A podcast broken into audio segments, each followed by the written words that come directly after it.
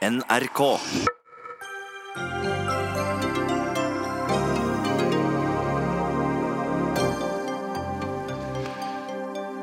Landsstyremøte i Fremskrittspartiet. Men hva kan eh, partileder Siv Jensen egentlig gjøre med regjeringens vedtatte politikk, selv om eget parti stadig faller på målingene? Det er deilig å være sosialdemokratleder i Danmark, for i dagens valg blir det trolig valgt en ny sosialdemokratisk statsminister. En av tre private barnehager kan bli lagt ned pga. krav til økt bemanning, hevder eierne. Vedtaket om flere ansatte det har vært kjent lenge, parerer Høyre. Og beboere i Oslo fikk bomstasjon nærmest på balkongen. Blinkskudd eller bomskudd, Statens vegvesen kommer til studio. Música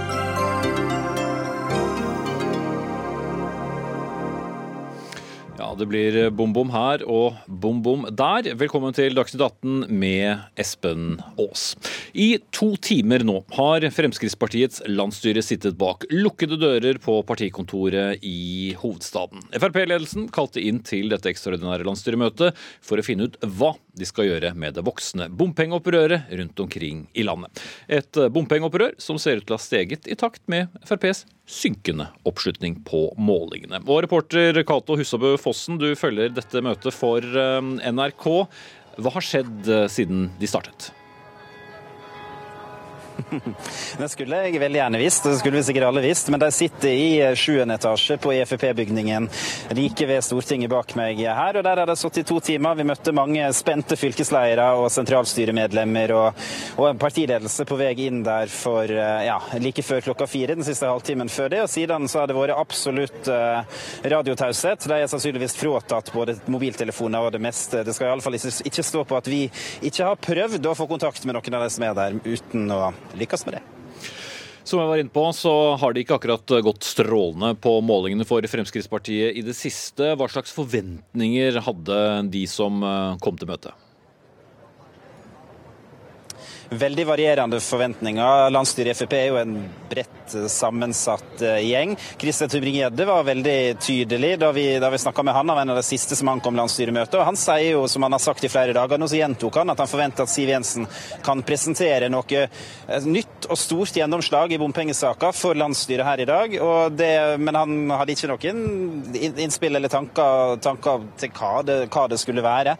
Eh, og så gjentok disse fylkeslederne som har vært mest frempå, Johan Aas i Innlandet og Frank Sve i Møre og Romsdal, og, Deilert Persen i Troms og Finnmark, som kanskje har vært de tydeligste, altså, eller tilsynelatende mest kritiske stemmene. De var ganske beskjedne og sa fint lite, alle tre, på vei inn. De var spente på å høre hva Siv Jensen skulle presentere for dem, og så fikk vi ta det derifra, eh, var vel egentlig beskjeden fra, fra de fylkeslederne vi har sett mest i de siste dagene. Det er eh, litt over to timer siden de også tok eh, heisen opp på partikontoret. Aner vi noe om eh, hvor lenge de må holde på?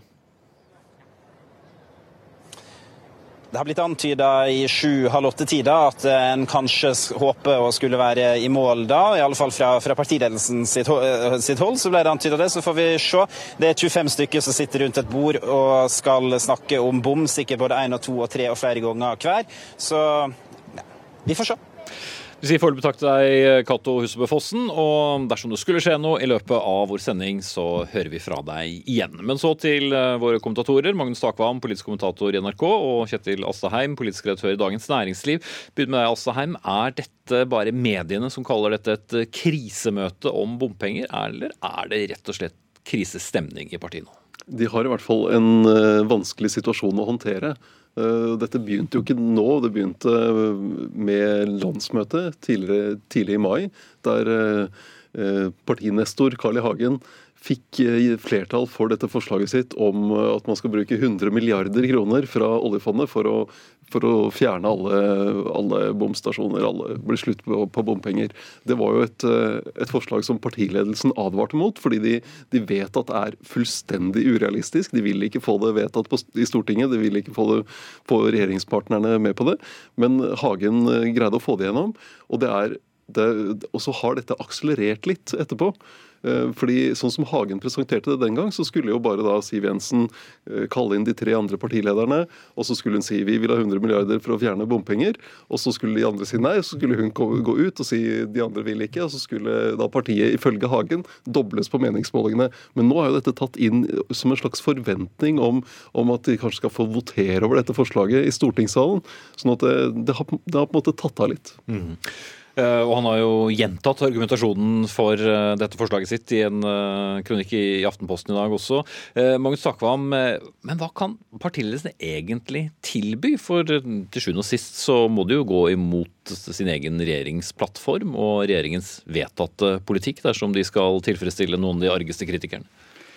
Ja, så eh, Partiledelsen legger opp til vil jeg tro, et løp der de må få de andre i regjeringen med, med på å forhandle ned eh, bompengepresset via ulike tiltak. Eh, og det er jo det de diskuterer nå. Hvilke krav skal Frp eh, på sin side ha inn i, i, i de forhandlingene. Der har man allerede etablert en arbeidsgruppe fra alle partiene, og de har startet å jobbe. Men eh, så vidt jeg har forstått, så det nesten, har det ikke kommet langt der. Så det er en eh, lang prosess. Nøkkelen til det hele sier seg sjøl. Man må ha en kombinasjon av å få ned kostnadene, øke inntektene, eller å, og at staten spytter inn mer eh, penger. Eh, og alle skjønner at eh, kombinasjonen eh, både budsjettmessig og politisk med med fronten mellom Venstre og Frp gjør dette til en ganske krevende jobb. Mm. Eh, Asheim, man kan jo lure på Ledelsen, trodde de at dette ikke kom til å bli noe problem, siden de var med på å vedta det, eller håpet de på det beste? Eh, de prøvde jo å stoppe det, eh, og så eh, har det, har, har det, jo vært en utvikling utenfor partiet etterpå, med de målingene som har vist at det antibompengepartiet i Bergen bl.a. får veldig høye tall som jo har gjort dette mer akutt i partiet. Eh, og, eh, og så må de da prøve å, å håndtere den situasjonen. Og det er, det, er, det er, ikke så lett, for de kan ikke bla opp disse pengene. Så det de, det de gjør, er å ta fatt i Granavolden-plattformen, der det er ni punkter om bompenger som, som Fremskrittspartiet fikk inn og som de nå, denne arbeidsgruppen skal, skal snakke om. Men som, eh, som Magnus Takvam sier her, alt dette koster jo penger. Og det, det, er jo ikke de andre interessert i å gi dem. Og Venstre har jo ikke mulighet på dette tidspunktet, når de taper velgere til eh, Miljøpartiet De Grønne, til å gi eh, Frp en bilseier. Eh, Transportøkonomisk institutt sa dette studio for ikke så lenge siden. Aftenposten skriver også i dag at bilistene i 2019 har langt bedre kår, med færre avgifter, relativt sett billigere bensin enn tilfellet for ti år siden. Hvorfor har ikke Fremskrittspartiet klart å kommunisere dette, som jo strengt tatt er en kjempegod Frp-seier? Men du altså, drukner i bompenger? De har jo gjort det hele tiden eh, på én måte. Eh, for å, det har vært deres forsvarslinje eh, de siste årene mot kritikken for at de ikke greide å fjerne bompengene slik de lovet i valgkampen i 2013. Og, og, og det er nettopp FrPs press som har gjort at de såkalt bilrelaterte avgiftene i sum er gått ned. Men det er jo for dem som kjøper nye biler, f.eks. Det er de som får eh, reduserte avgifter. Eh, sånn at de som er mest sårbare i debatten om bompenger, er like forbanna uavhengig av, av dette. Så det er en del av forklaringen. Mm. Ja, Sam, Du har jo snakket om at uh, det blir regjeringskrise. Noen roper høyt om at uh, Fremskrittspartiet ikke kan fortsette å sitte i regjeringen fordi det blør berør så mange velgere. Men hvor realistisk er det at Fremskrittspartiet skulle finne på å gå ut av regjeringen nå? Jeg tror ikke det er realistisk. Det er noe med sånne saker at de kan spinne litt ut av kontroll, og du vet ikke helt hvor de havner. Men det at eh, dette landsstyret, som da så sent som i januar sa ja til Granavolden-plattformen, nå skal komme og si nei, vi, vi er ikke med likevel, og, og i tillegg gjøre det ja, en uke etter at de feiret Siv Jensens 50-årsdag. Og da komme og, og, og, rasere hennes store prosjekt, som var å gjøre Fremskrittspartiet til et regjeringsparti, det tror jeg ikke kommer til å skje. Men hvis uh, Fremskrittspartiet opplever et veldig dårlig valg i september, så kan det vi ser nå, det vi opplever nå i partiet, være et skritt på veien mot noe etter det, det valgresultatet. For da vil de begynne å se frem mot 2021. Skal de fortsette bare å sitte i regjering, eller trenger de å gå ut av regjering for å prøve å bygge seg opp igjen. Mm. En regjeringsplattform som de jo sa var bedre enn den forrige regjeringsplattformen også. Men hva da med støttepartiene Venstre og Kristelig Folkeparti? For det blir jo en hodepine for dem også dersom det skal komme nye innrømmelser eh, i bompengespørsmålet. Ja, altså Hvis vi snakker om et scenario der Frp går ut av eh, regjering, så, så, tror jeg rett og slett ikke at Frp har tenkt gjennom det, den plan B. Hvordan, hva slags rolle skal da Frp ha i Stortinget? skal det være? De jo, har jo alltid sagt at de ikke vil støtte en regjering de selv ikke er, er eh, medlem av. Eh, så jeg tror at om noen tror på vegne av Venstre og KrF at det blir en drømmeregjering, så, så tror jeg heller det blir det, det, motsatte. Så jeg er enig i at det er ganske langt fram til å tenke seg at det skjer. Mm. Men det er også vanskelig da, hvis det skulle komme noen eh, nye innrømmelser eh, fra regjeringen overfor Fremskrittspartiet, fordi Venstre tåler heller ikke noen flere tap på miljøsaker? Nei, og det, og, det er, og det, er, jo noe av det som er eh, vanskelig. Du hadde et, et skjørt kompromiss i Granavolden der der eh, Fremskrittspartiets seier på den ene siden og Venstres seier på den andre siden utlignet hverandre eh, i, i avgiftspolitikken på biler f.eks. Sånn at de, det, er jo, det, er, det, er veldig vanskelig når du begynner å dra. Hvis du skal dra i den ene enden, så må du gi noe på den andre. og Hvordan dette skal bli et kompromiss der alle kommer ut og er fornøyde, det er ikke lett å se nå. Mm.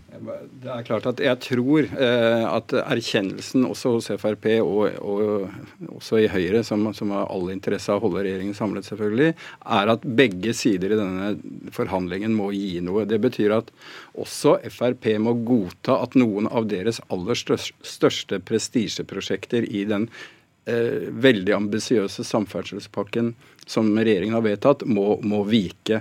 Eh, det kan ikke Det er helt urealistisk at på en måte Frp skal få en klar seier og få eh, gjennomslag utelukkende for sine ting. Det er, det er den ene biten. Og så leker man med forskjellige tanker som alle kan være enige om. F.eks. noe hurtigere å kreve inn eh, bompengeavgifter opp til 50 fra elbilene, slik at de ikke får lov å kjøre så billig så lang tid som, som det ligger an til. Den typen justeringer tror jeg også f.eks. Venstre kan, kan, være med på. Mm.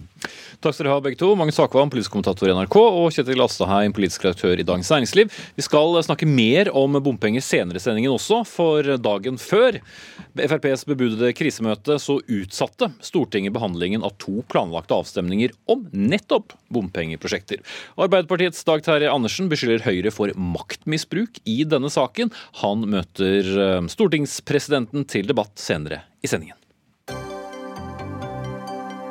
Dagsnytt 18 alle hverdager kl 18.00 på NRK P2 og NRK2.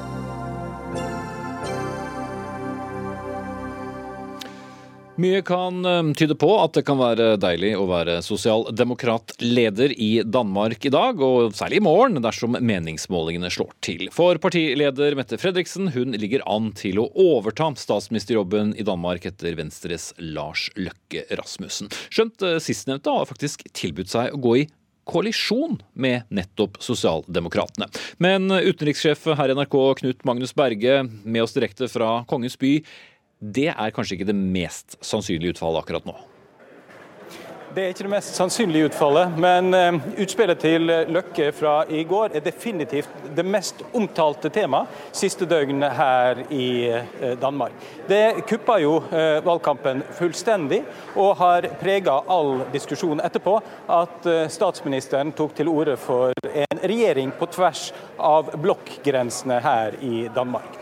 Nå ble forslaget umiddelbart skutt ned av samtlige eh, partiledere på rød side i dansk politikk. Men det vi ennå ikke vet, er jo hvordan dette vil spille ut ved urnene.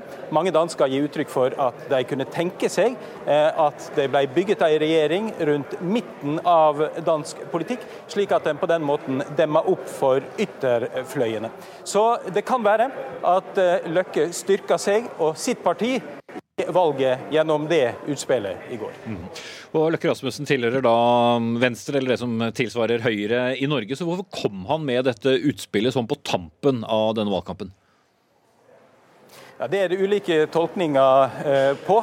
Han eh, kan nok eh, legge opp til at dersom det ikke skulle lykkes Mette Fredriksen f.eks.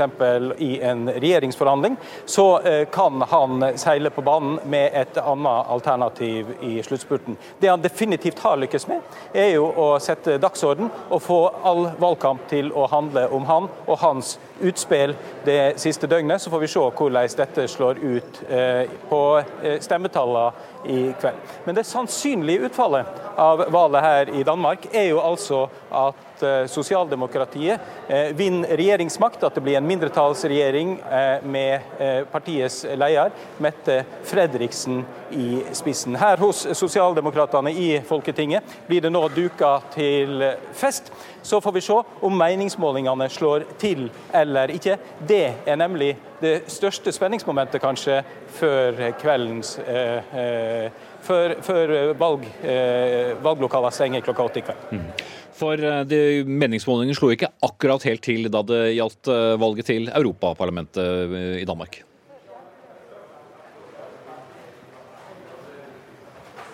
Ja, tror jeg vi mistet forbindelsen til København. Vi skal ta inn Knut Magnus Berge litt senere, men skal vende meg til deg, Signe Bock Segård. Du er forsker ved Institutt for samfunnsforskning. Fredriksen har altså selv sagt at hun ønsker en mindretallsregjering regjering. Hvorfor det? Det kan der sikkert også være mange årsaker til, men først og fremst er det fordi hun ønsker mest mulig fleksibilitet øh, og handlingsrom når hun skal regjere og være statsminister. Øh, med det mener jeg at øh, hun ser for seg at hun i store politiske saker dels skal forhandle med venstresiden, og det vil særlig være på klimaområdet, men også på velferdsområdet.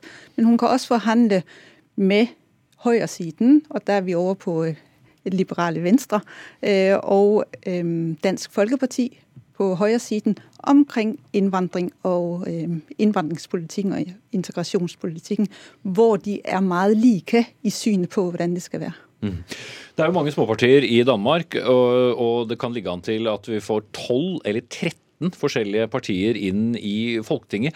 Hvor lett blir det å navigere med en sånn partiflora? du kan i hvert fall si at det er jo først og fremst øh, på høyresiden vi vil se i hvilken grad der kommer inn mange små partier. Det er der de små partiene er, og det er der spenningsmomentet er knyttet til, om de kommer over eller under sperregrensen.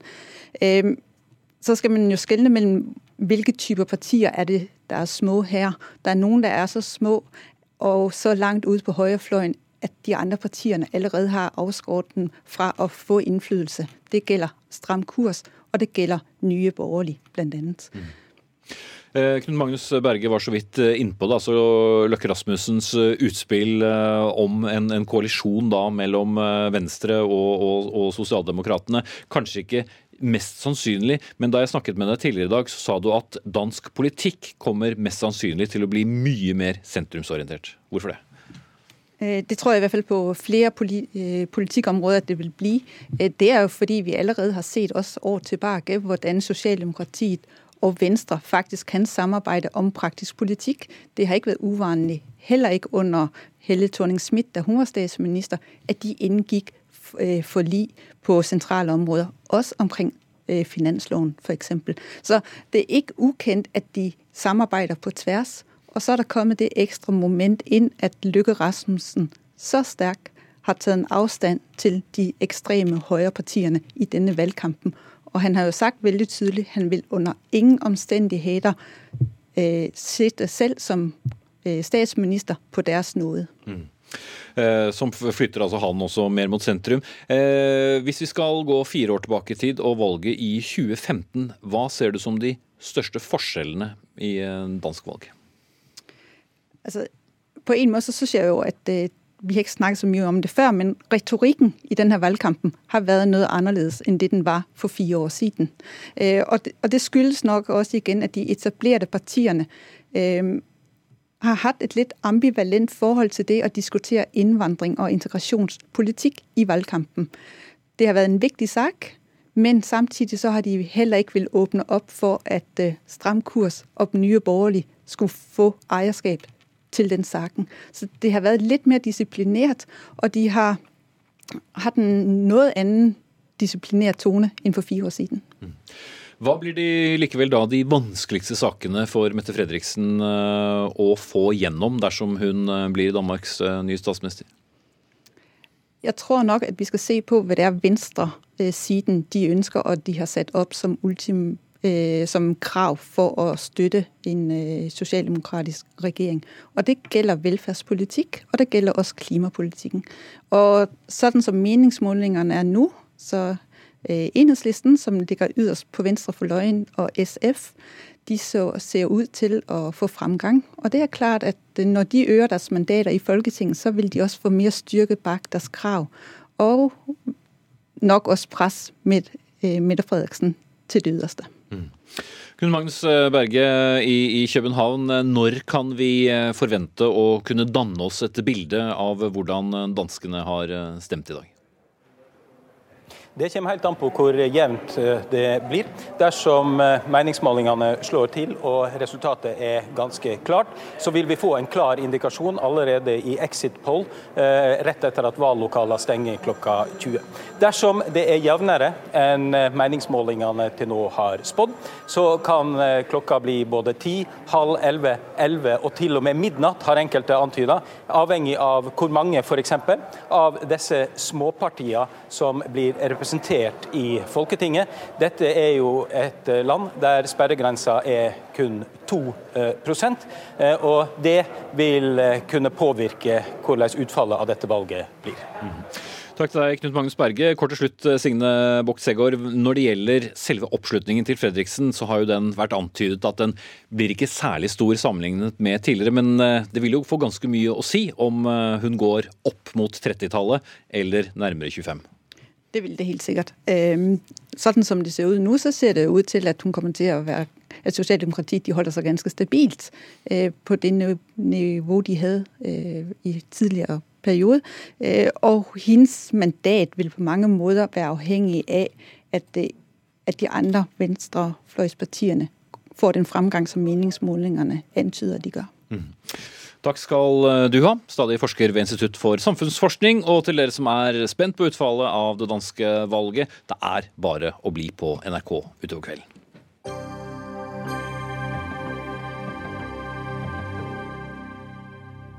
En av um, tre private barnehager truer med at de må legge ned etter kravet om flere ansatte per barn. For innen 1.8 må nemlig både private og offentlige barnehager ha flere ansatte per barn enn de hadde tidligere. En ansatt per tredje barn under tre år, og en ansatt per sjette storbarn, som vi sier. Og det er det ikke alle de private barnehagene som har penger til, sier dere i Private Barnehagers Landsforbund. Anne Lindboe, hvor du er direktør, så dere vil ikke ha flere ansatte per barn, da? eller? Absolutt, vi støtter fullt og helt bemanningsnormen. Og det å ha nok voksne rundt barna det er en av de viktigste tingene vi kan gjøre for å ha god kvalitet i barnehagen. Men så er det sånn at, at dagens regler de gjør at at, tilskudd beregnes ut fra to år gamle regnskap i, i, kommunene. Så når kommunene nå først i år kom på norm, så får ikke private barnehager finansiert den før om to år. Og Dette vil jo føre til store medkostnader for, og ekstrakostnader for, for barnehagene. Eh, og Vi gikk da ut og spurte barnehagene våre hvordan de ser på muligheten for å, for å drifte eh, videre når det blir pålagt så store forpliktelser som ikke blir finansiert. Og da er det som du sier at En tredjedel er usikre på om det er grunnlag for videre drift, og én av ti sier faktisk at konsekvensen blir at at de må legge ned. Mm.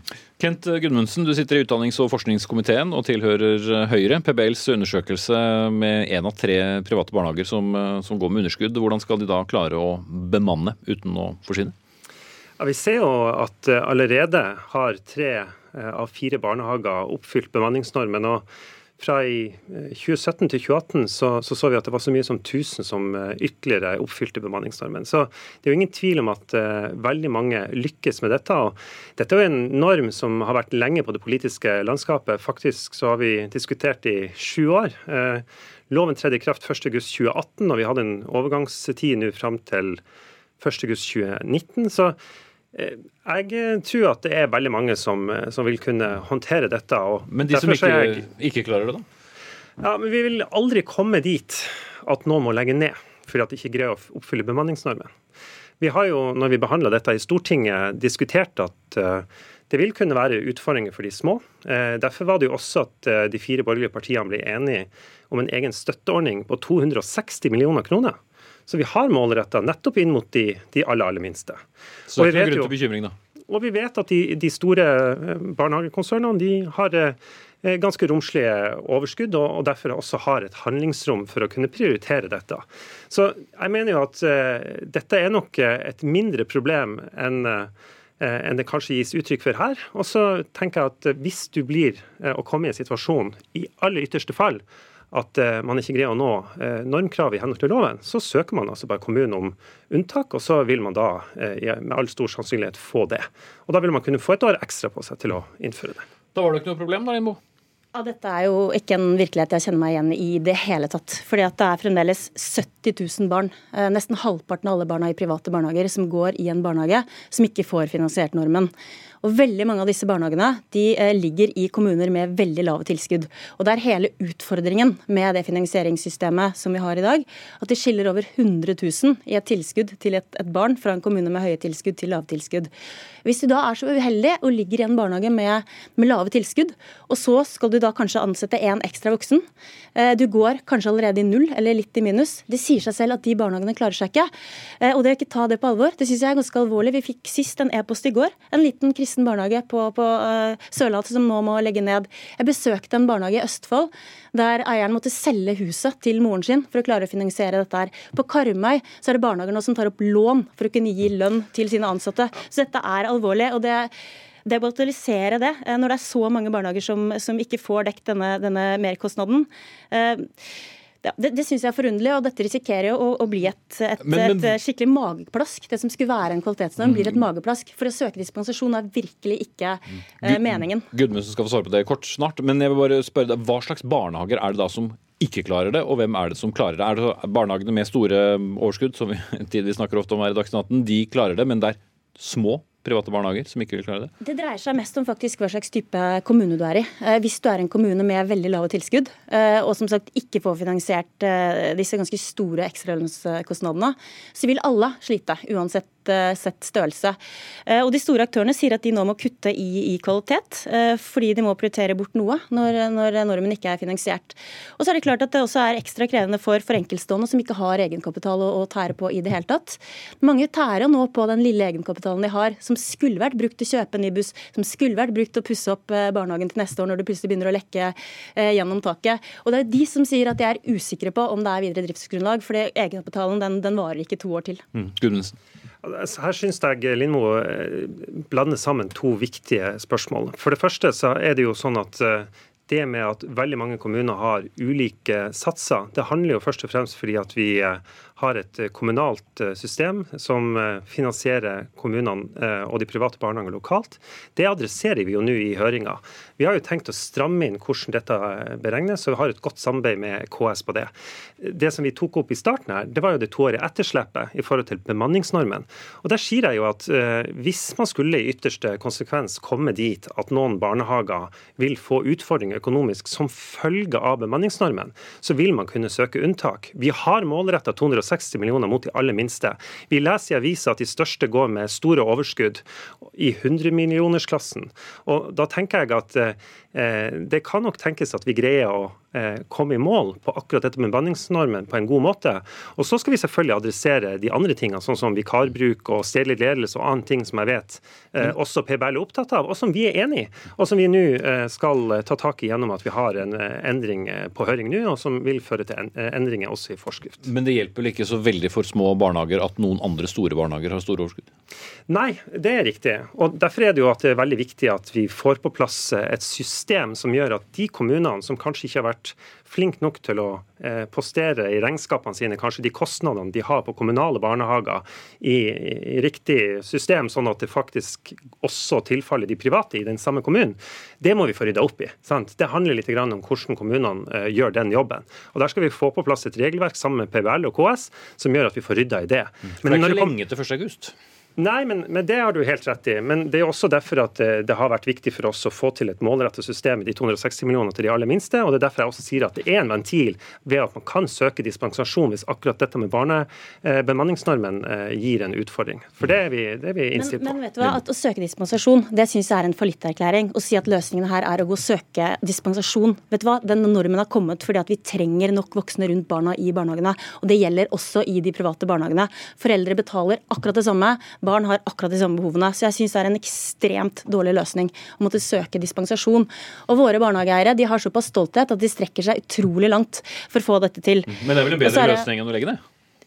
Selvfølgelig er det en bedre løsning enn å legge ned, men, men Altså, mange, mange, går allerede i dag med underskudd. En tredjedel av våre medlemmer går med underskudd allerede før det er pålagt å innføre denne normen. Og igjen så, så er Det jo, det er positivt at regjeringen ønsker å se hvordan tilskuddene beregnes, men, men det er jo ikke regelverket som er utfordringen her. Det er, det er rett og slett at man ilegger på en måte kommunalt selvstyre større viktighet enn en kvalitet i barnehagen. For igjen, det skiller over 100 000 i, i tilskudd. Eh, og igjen, når foreldre betaler det samme og barn har det samme, det sier jo ekstremt mye om hva slags kvalitet det faktisk er mulig å gjøre en barnehage når en mellomstor får fra 6 til 10 millioner i, i tilskudd. Og et sånt system kan vi ikke ha. Det gir ikke kvalitet. Ja, men, men, det er jo ingen tvil om at vi har enkelteksempler her som er ikke bra. Og, og det er jo det som jeg nå sier at vi skal gjennom denne regeloppstramminga prøve å rette opp i. Men vi må jo huske at 80 av de som mottar tilskudd, får en, en, sats som eh, de aller fleste vil kunne si er innenfor det regelverket som vi har prøvd å, å oppnå. Og Derfor så syns jeg dette er å sette det litt på spissen. For når vi på en måte har adressert de aller minste og, tatt, eh, og fått til ekstra støtteordninger for de, vi ser at eh, de store som er de som har hatt kanskje ikke vært flinkest med å oppfylle både bemanningsnorm og bemanning generelt, går med store overskudd. Så er det jo, så, jo men sant, det er jo et poeng, da. Sant? At hvis du går med mye overskudd og er kanskje i den kategorien som fortsatt ikke har helt fylt opp eh, bemanningsnormen, da er det jo et bevis også på at det er et visst handlingsrom i sektoren. Og det mener jeg at man ikke skal underkommunisere, for det er jo et poeng. Det er, i hvert fall 56 dager igjen til 1. august. Jeg må sette strek der. Takk til Anne Lindbo, direktør i Private Barnehagers Landsforbund, og Kent Gudmundsen fra Høyre, som sitter i utdannings- og forskningskomiteen.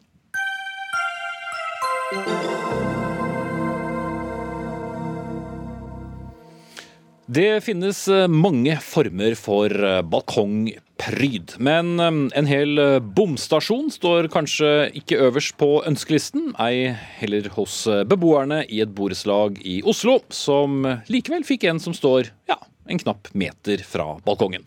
Publikum som ser Dagsnytt 18 på nett eller på TV, ser nå bildene om hvordan det hele ser ut. Og til dere som følger oss på radio, så kan jeg fortelle at denne Bomstasjonen hvor kameraene er festet, eh, stenger godt for utsikten til flere av balkongene til beboerne i denne bygården i Oslo. Lars West Johansen, nyhetsredaktør i Dagsavisen. Du har kalt denne bomstasjonen for et overgrep, rett og slett i en kommentar i dagens avis. Hvordan begrunner du det? Uh, nei, det tror jeg alle som bor et sted kan identifisere seg med. Altså Få en, uh, den stolpen der rett og slett midt i glaninga, rett utafor balkongen din. Uh, det, er, det, er, helt empatiløst av Statens vegvesen. Og ja, det ordet er, er, er sterkt, men det er på en måte dekkende. Mm. Anne Grete Nordahl, prosjektleder i Statens vegvesen. Var det et blinkskudd å plassere den der den står? Nei, når du ser hvordan den står der, så kan man ikke annet enn være enig med eh, Dagsavisen om at dette, dette, er ikke bra.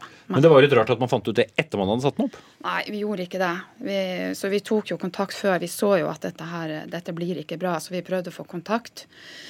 Eh, så hadde vi det veldig travelt fram til 1.6 å få alt dette på plass. Så nå er vi jo i dialog med beboerne der. Hvordan var kontakten i forkant? Hvordan prøvde dere å få kontakt? Vi var for seint ute med den kontakten. og det Selvsagt skulle vi vært mye tidligere ute der og, for å involvere oss og se sammen med dem om vi hadde noen mulighet til, til å mm. finne en e bedre løsning. Det var en e-post to dager før bomstasjonen ble montert, som, som de fikk eh, e-post fra dere. Og der, der, står det fundamentet for bomstasjonen er bygget, og det som gjenstår er monteringen av selve bomstasjonen. Så om beboerne i borettslaget, som har leilighet nærmest bomstasjonen, har et ønske om en befaring, så vil vi stille for å informere nærmere om arbeidene. Men det skulle vel kanskje noe til på det tidsrommet? Ja, vi kan ikke annet enn å beklage. Vi er vært for sent ute. Det der er ikke noe vi i Statens vegvesen er stolt av. Nei, mm. Det er ikke sånn vi har lyst til å framstå.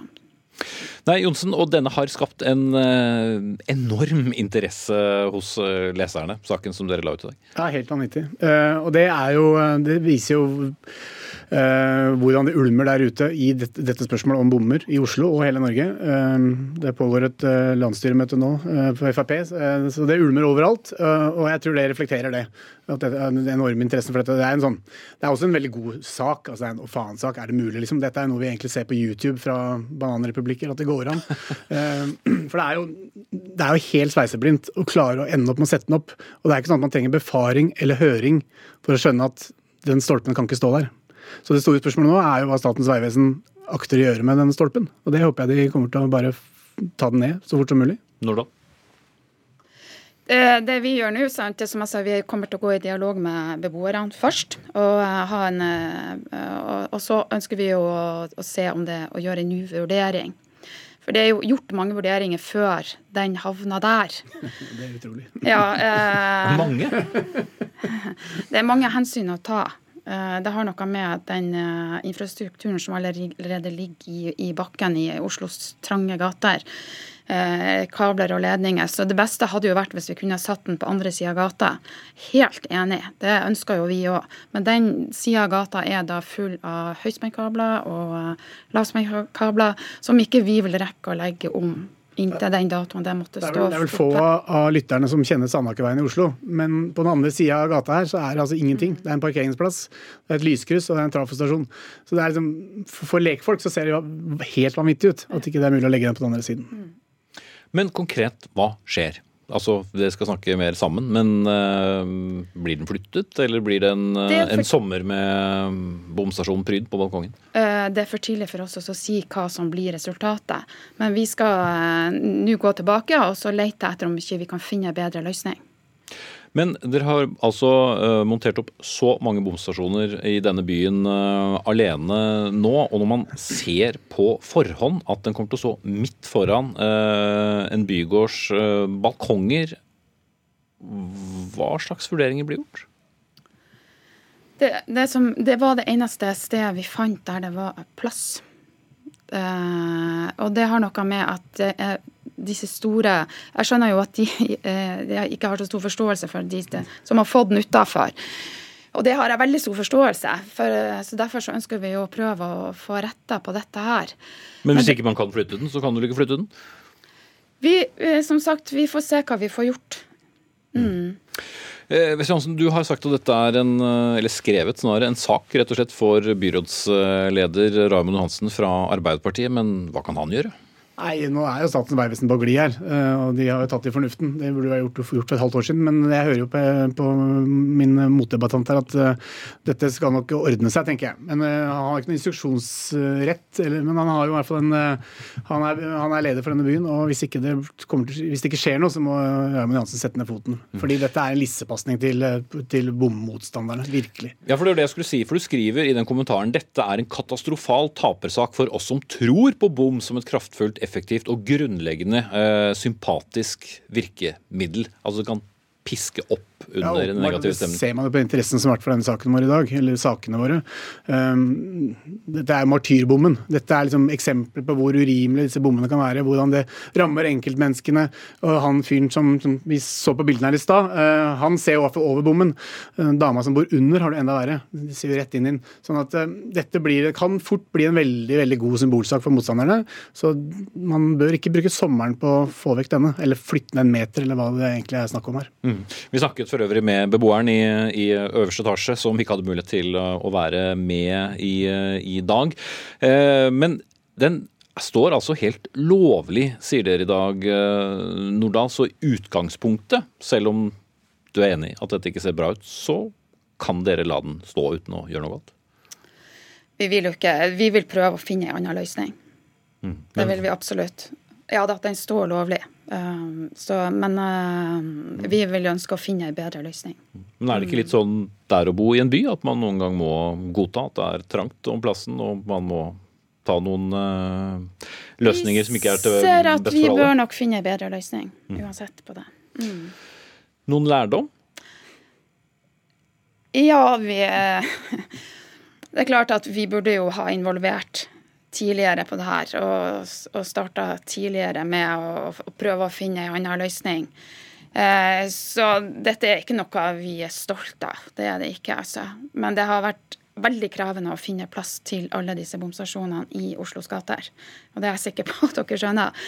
Men vi skjønner også veldig godt de beboerne som føler at de, dette her er, har ikke vært bra. Mm. Skal vi kalle det et bomskudd? Ja. Takk skal du ha, Anne Grete Nordahl, prosjektleder i Statens vegvesen, Lars West Johansen, nyhetsredaktør i Dagsavisen. Hør Dagsnytt 18 når du vil. Radio NRK Radio.nrk.no.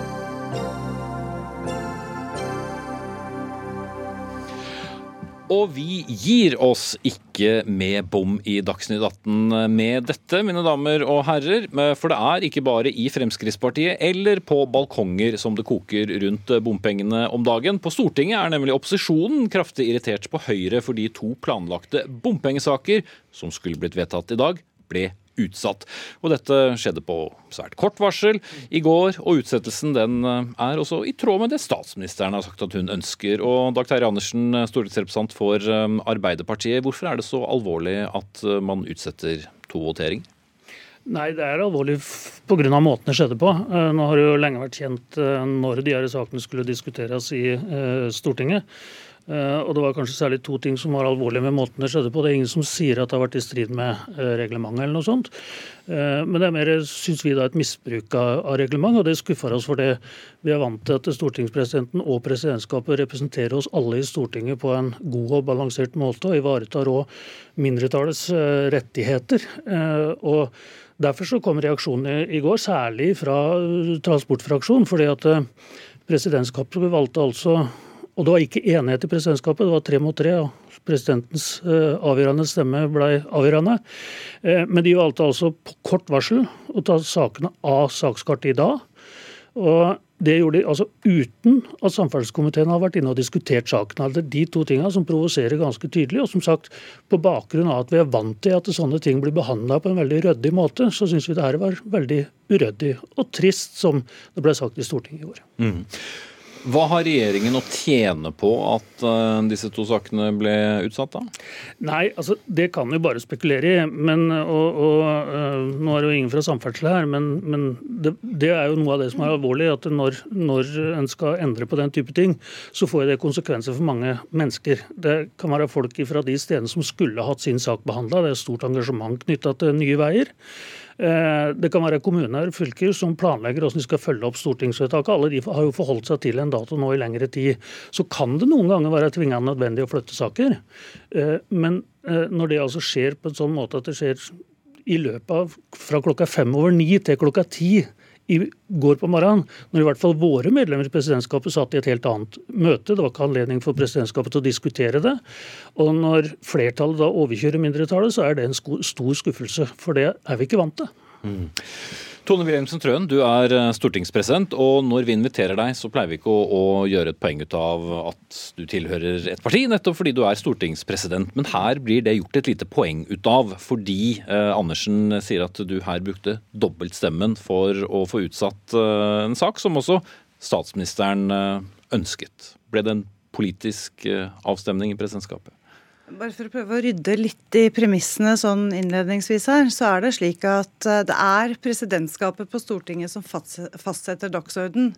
Eh, det er en foreløpig eh, saksliste som foreligger, og frist for, altså frist for å fastsette dagsorden er 24 timer før møtestart. Så det er ingen tvil om at dette er helt ryddig og, og ordentlig i forhold til forretningsorden. Det presidentskapet i går tok en beslutning eh, om, var en anmodning fra et flertall av partiene i transport- og, og, kommunikasjonskomiteen, som ba om å få flyttet debatten fra i går til 19.6 i to saker. Eh, det er ikke uvanlig heller at det skjer endringer nå i en travel innspurt på Stortinget. Men eh, Presidentskapet er et beslutningsorgan. Og når det er tre, eh, tre så er det sånn at min stemme er utslagsgivende. Og jeg kan ikke velge å ikke bruke en dobbeltstemme som noen har, har lagt opp til, fordi uh, slik er det. Uh, vi tar beslutninger. Mm. Men det var jo en passende timing, da, gitt alt bråket som er rundt bompenger, og at man slapp å stemme gjennom den i Stortinget dagen før Fremskrittspartiet skulle samles for å diskutere bompenger. Men jeg må tilbake til det som er Altså, det som uh, skjedde, var at uh, jeg mottok en anmodning fra flertallet i, uh, i transport- og kommunikasjonskomiteen. De ønsket å flytte debatten. Det ble tatt opp til eh, beslutning i presidentskapet. Eh, og det er det, det jeg forholder meg til. Det er slik saken var. Det er helt ryddig i forhold til forretningsorden. Og vi er et beslutningsorgan. Og den anmodningen den hadde en begrunnelse, og flertallet i presidentskapet støttet da den begrunnelsen. og uh, sa ja til å flytte de debattene. Mm. Dag Terje Andersen, du har jo selv bakgrunn i, i presidentskap i, i, Stortinget, så du er vel også kjent med hvordan dette fungerer? Ja, jeg er kjent med hvordan det fungerer, og jeg er kjent også med intensjonen til regelverket.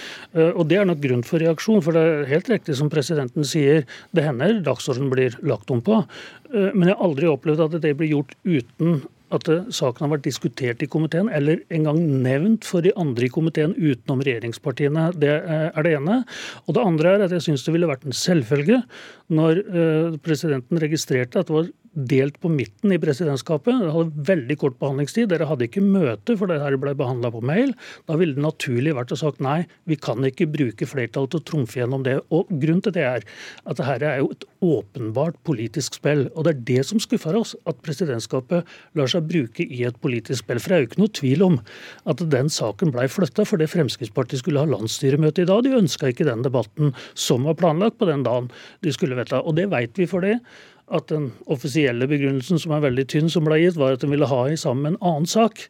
Men også den andre saken var kjent når innstillinga ble avgitt. Eh, den har ligget der i over ei uke.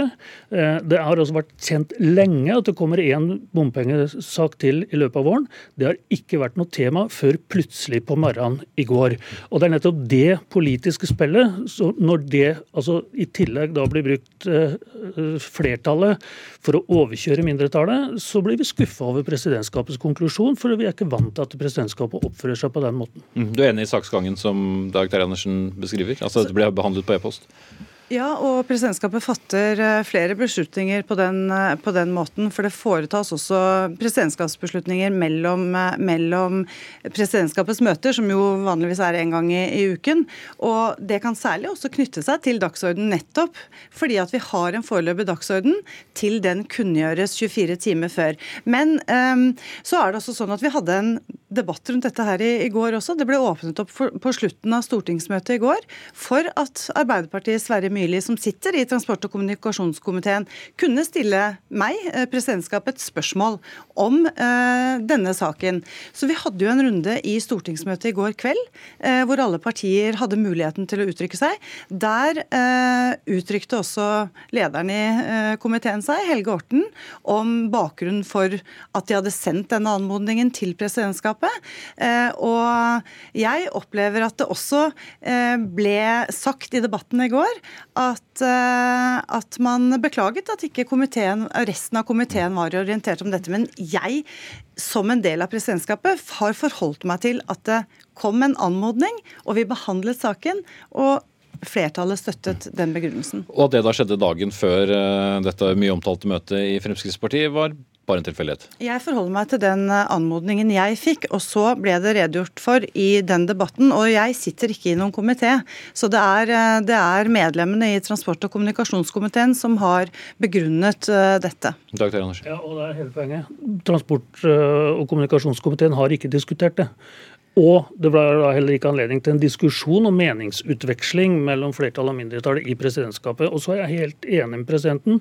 Det må fattes beslutninger på den måten som gjøres. Men det er altså når det er enighet, så er det kurant å fatte sånne beslutninger. Men når det viser seg at det er uenighet i den komiteen som faktisk har saken til behandling, og det er uenighet i presidentskapet, eh, og det er åpenbart for alle som vil se det, at det her er bare politisk taktikkeri av hensyn til det indre livet i Fremskrittspartiet. Eh, det er da det blir så feil å overkjøre mindretallet på den måten for presidentskapet. Og presidenten skal være hele Stortingets president og presidentskap. Det var det faktisk ikke i går. Og vi er vanlig eh, vant til at presidentskapet opptrer på en ryddig måte i forhold til både flertall og mindretall, og det skjedde ikke i går. Og så har statsminister Erna Solberg sagt at hun har gitt et råd om nettopp å utsette behandlingen av disse sakene. Er det statsministerens kontor som bestemmer med dagsorden i Stortinget? Definitivt ikke. Det er presidentskapet som fastsetter dagsorden, og jeg har ikke snakket med statsministeren. Jeg har forholdt meg til Hun har ikke tatt kontakt med meg, og jeg har ikke snakket med henne. Eh, jeg har forholdt meg til at eh, flertallet i, i komiteen, altså de partiene som utgjør det flertallet, sendte meg en anmodning om, om å utsette disse to debattene til 19.6. Det forberedte da Den sendte jeg videre til sekretariatet, som, som forbereder alle saker for, for Stortingets presidentskap. Og eh, jeg syns det eh, gjentas veldig ofte fra Dag Terje Andersen at, at, dette har vært uryddig. Jeg mener at dette er ryddig i forhold til den forretningsordenen og den dagsordenen vi har. Eh, det skjer ofte at det gjøres uh, nye Altså at det gjøres endringer på dagsorden. At vi får søknader og anmodninger fra komiteer om å flytte både avgivelsesdatoer og debattdatoer. Dette er ikke uvanlig. Det men timingen er, heller, er likevel pikant. Men det er heller ikke uvanlig at det i noen saker er et flertall og et mindretall i presidentskapet. Vi utgår jo fra partiene i Stortinget, men det er veldig sjelden i presidentskapet. Vi står bom fast uh, når det gjelder dette, uh, og jeg må stoppe deg der, for vi skal rekke en sak til. Takk til Stortinget stortingspresident Tone Wilhelmsen Trøen og Dag Terje Andersen, stortingsrepresentant fra Arbeiderpartiet. Eh, og når det gjelder eh, bomsaken, så anbefaler jeg å følge Dagsrevyen og andre sendinger her i NRK utover kvelden.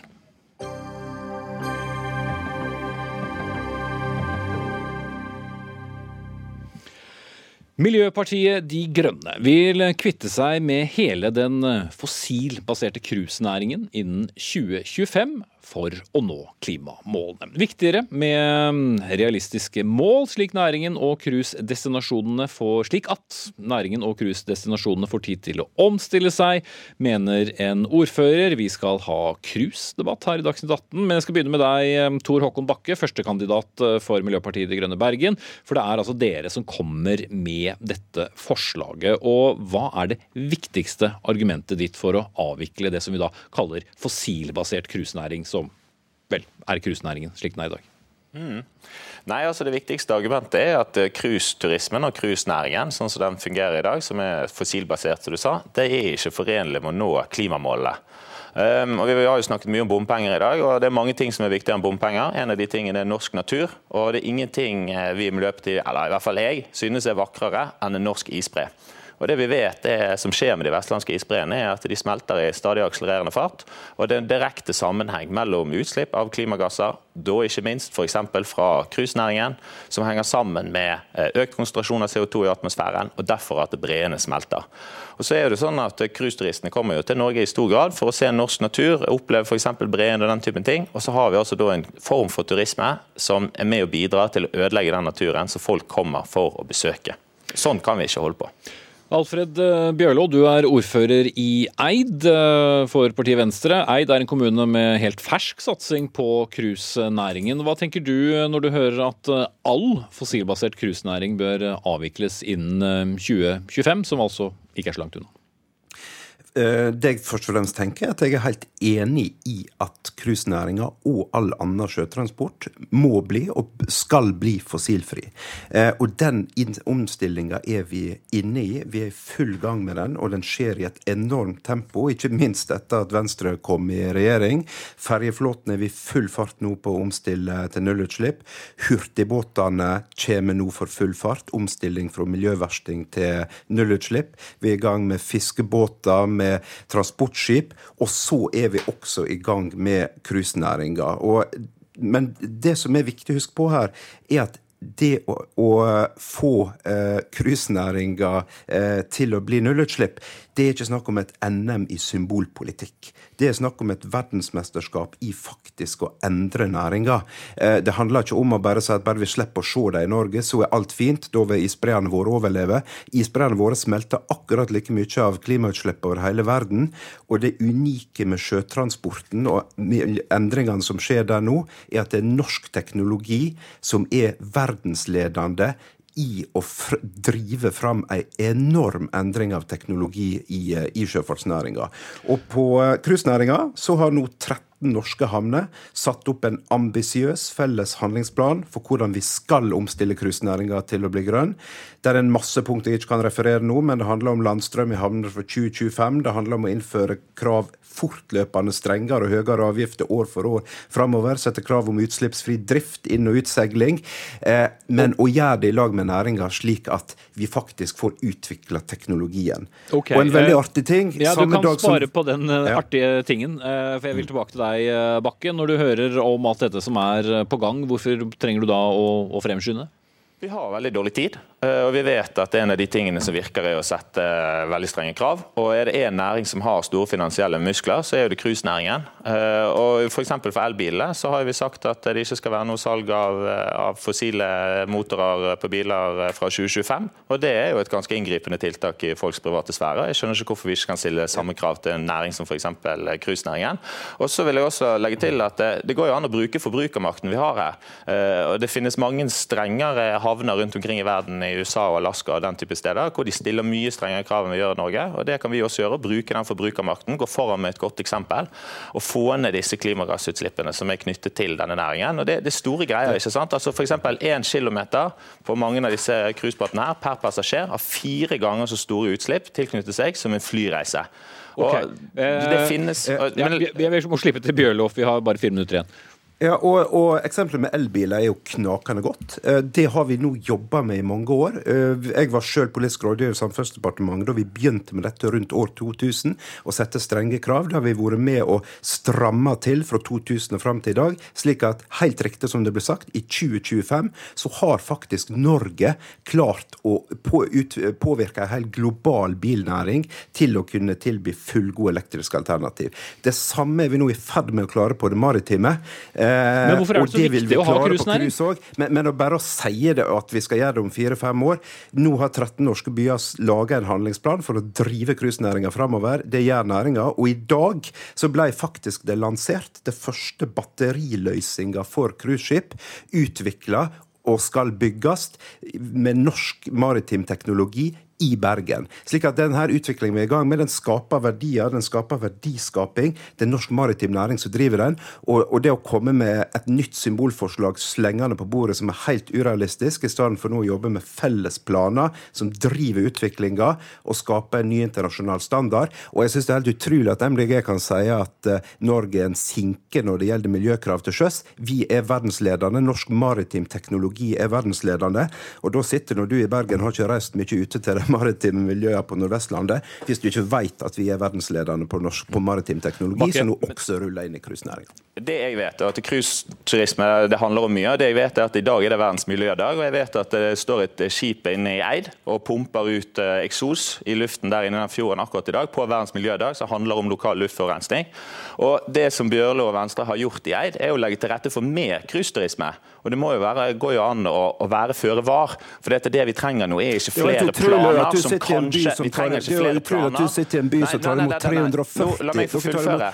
Vi trenger ikke flere planer. Året, Og så sitter du og kritiserer oss Nei, men la meg få fullføre. Eh, så, altså, vi vent litt, Bjørlo, du får tid. all debatt. Eh, Nei, men Vent litt nå, Bjørlo, så la, la Bakke fullføre. Og du kan ikke bare sitte inne og kritisere en næring som faktisk er viktig for verdiskapinga i, i, i Nei, distriktene. kom- kom- kom igjen, Bakke. Okay, nå er det skumleste som skjer med verdenshavene, ikke sant? det er forsuringen av verdenshavene. Og Det som fører til mest forsuring av verdenshavene, det er økt grad av CO2 i atmosfæren. Og Det er masse vi kan leve av på Vestlandet som vi har levd i hundrevis år, f.eks. havet, fjordene. Vi kan drive med oppdrett av, av tang og tare og den type ting. Og Cruiseturismen ødelegger jo for andre næringsalternativer som er mye mer bærekraftige, og som vi kan legge til rette for istedenfor. Og Det er jo ikke sånn at det enten er cruisenæringen eller ingen turisme. Man kan jo legge til rette for bærekraftig turisme i Norge. Det er jo ikke noe problem det. Dette er ikke en enten-eller-greie. Men, men i Eid så har vi altså da en venstreordfører som har lagt til rette for mer Ok, Okay, Men Alfred Bjørlo, hvorfor, kort til slutt, hvorfor er det viktig med cruisenæring? Hvorfor er den så viktig?